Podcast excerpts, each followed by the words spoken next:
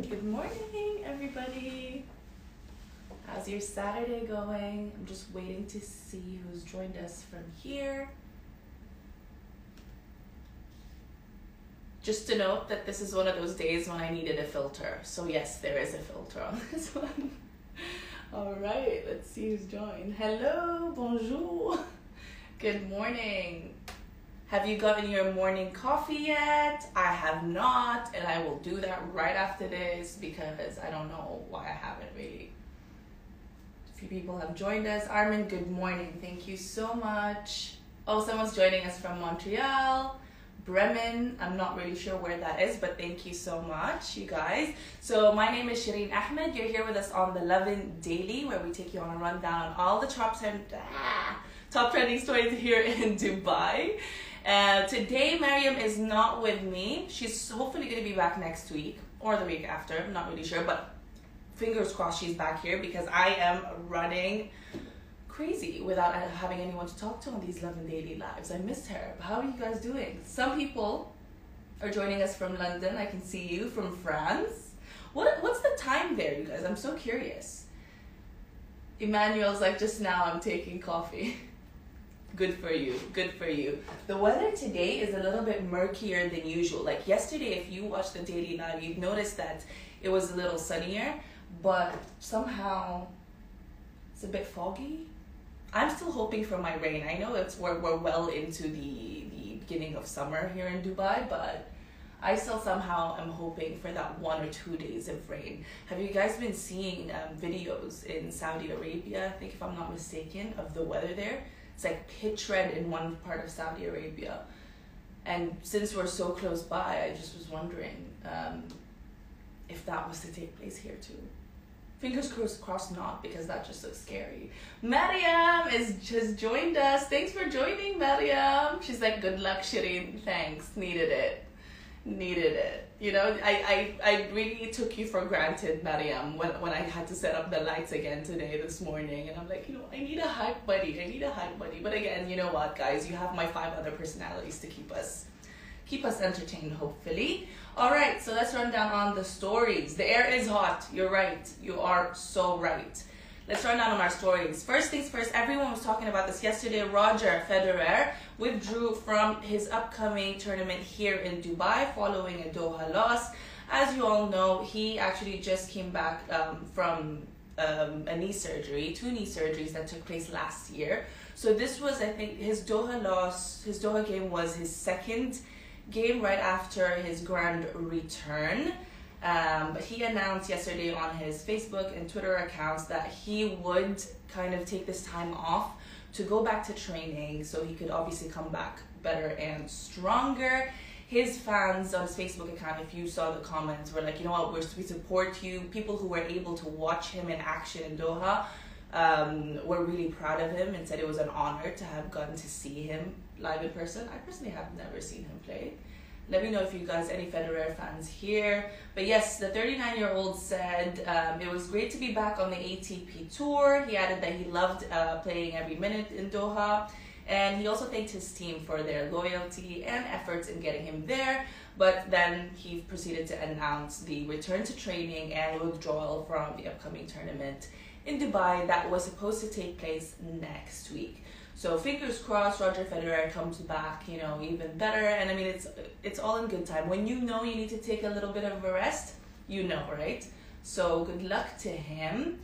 Yesterday, Ironman 70.3 also took place, and that was really interesting because our boss Rich took part in it as well. So you can see our WhatsApp group was brewing with like congratulatory messages um, good luck messages. But yes, a lot of people took um, part in it, and we even have some stories still on our account if you want to check it out and how it went.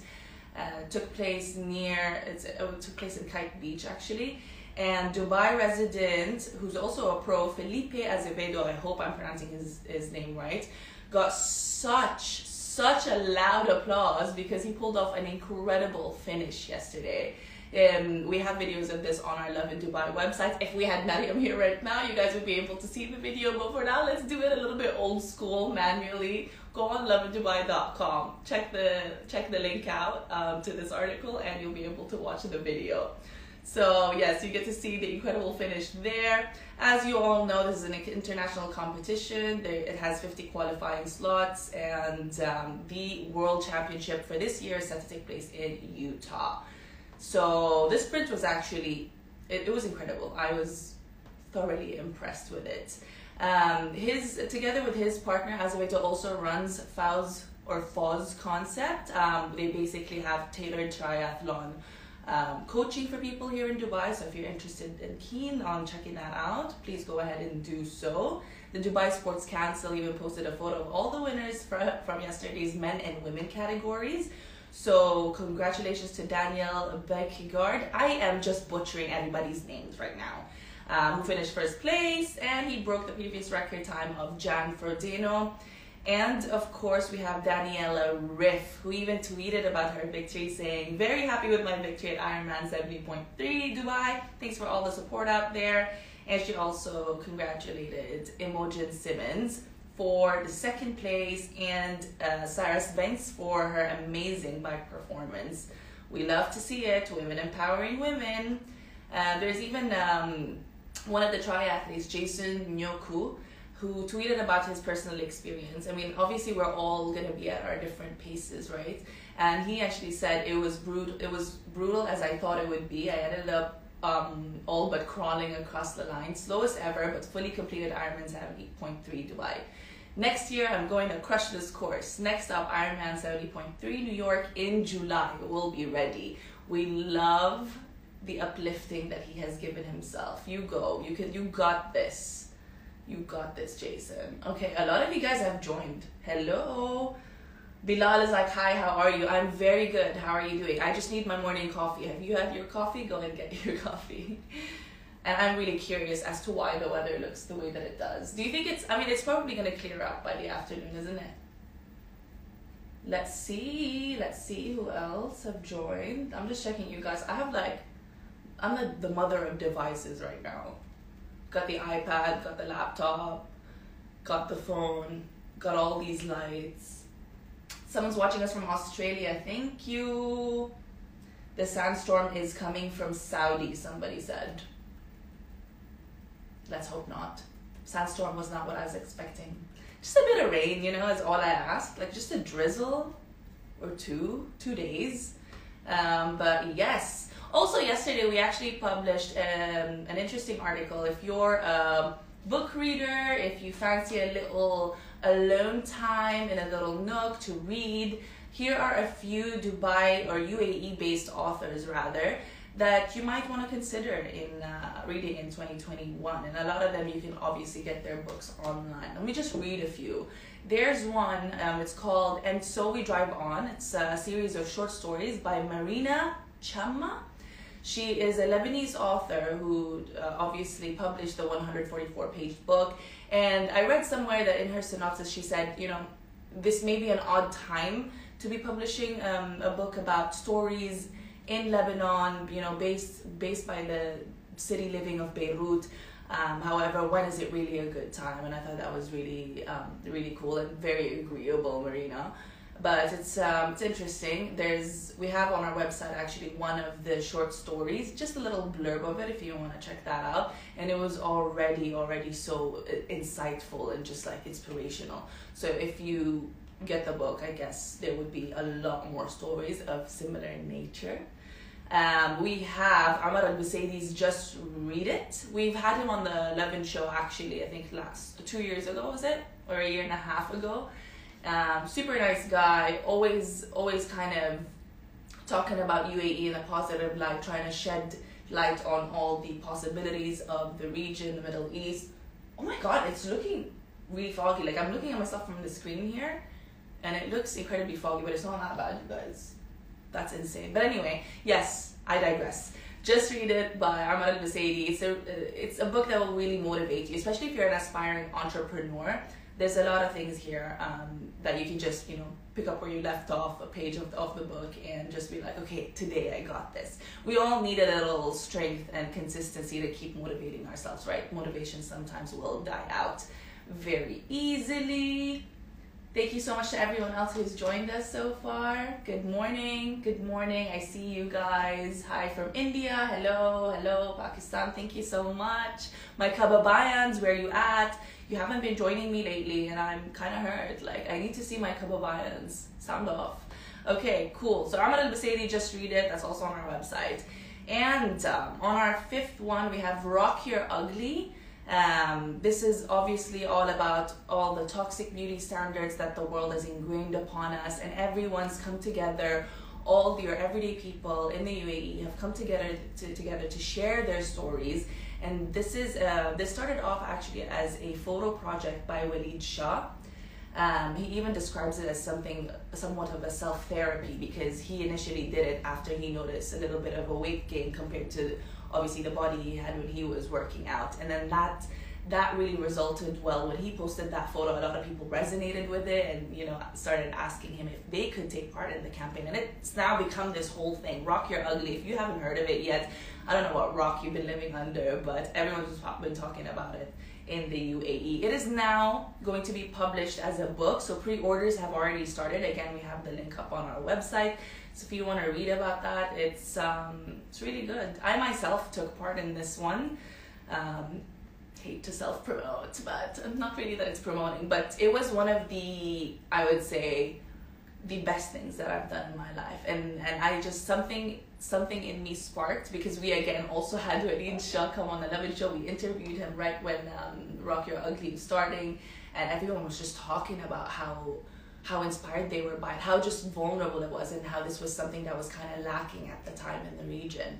Um, and I feel like honestly, personally, it, was it really set off the tone um, that we have now because everyone's so much more comfortable being in their own skin, you know, and uh, unregrettably so as well. So, yep, I took part in it. I shared an image, shared a story, a personal story of mine, and I'm so glad that I did it because it's shed off one layer of me that I never thought I could. Anyway, I digress again. Pre orders of that are available. Rock Your Ugly, Walid Shah.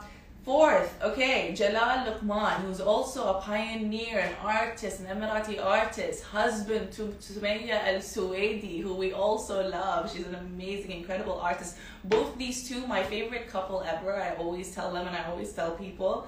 Um, they're just amazing people, the kindest, the nicest, so creative. Um, and he came out with his book last year called The Armagondas, which is a, an epic fantasy graphic novel. There's six of these books, and um, it is a story of survival of a small group of people called the Armagondas who escape for their lives, surviving the brutal and treacherous Creighton realm. So if you're obviously into fantasy, this one is for you. And the greatest part is it was you know, written and conceptualized by an Emirati author, which we barely get to see, right? You usually see novels and whatnot. So this is an interesting one. I've got a copy of this book and it was definitely fun. So there you go, the Armagondas, volume one, start with that, which is called The Orphans of Armagon. Jalal Luqman. Paul Evans, another book that I also have already read. When I Woke Up, it's basically his memoir Paul Evans, you may, if you know him or if you don't know him, is um, the CEO of Solutions Leisure, which is the nightlife and entertainment group here in Dubai. So they're responsible for bringing us Asia Asia, Lock, Stock and Barrel, and the likes. He's actually, yeah, so he, he published this memoir last year and it is now the one bestseller, number one bestseller on Amazon. Okay, and this talks about basically his life from when he was younger, how he got to be this um, entrepreneur, uh, this really strong driven entrepreneur that he is today, and all the things that he had to overcome, obviously, to get to this point of awakening and just understanding of himself and comfort.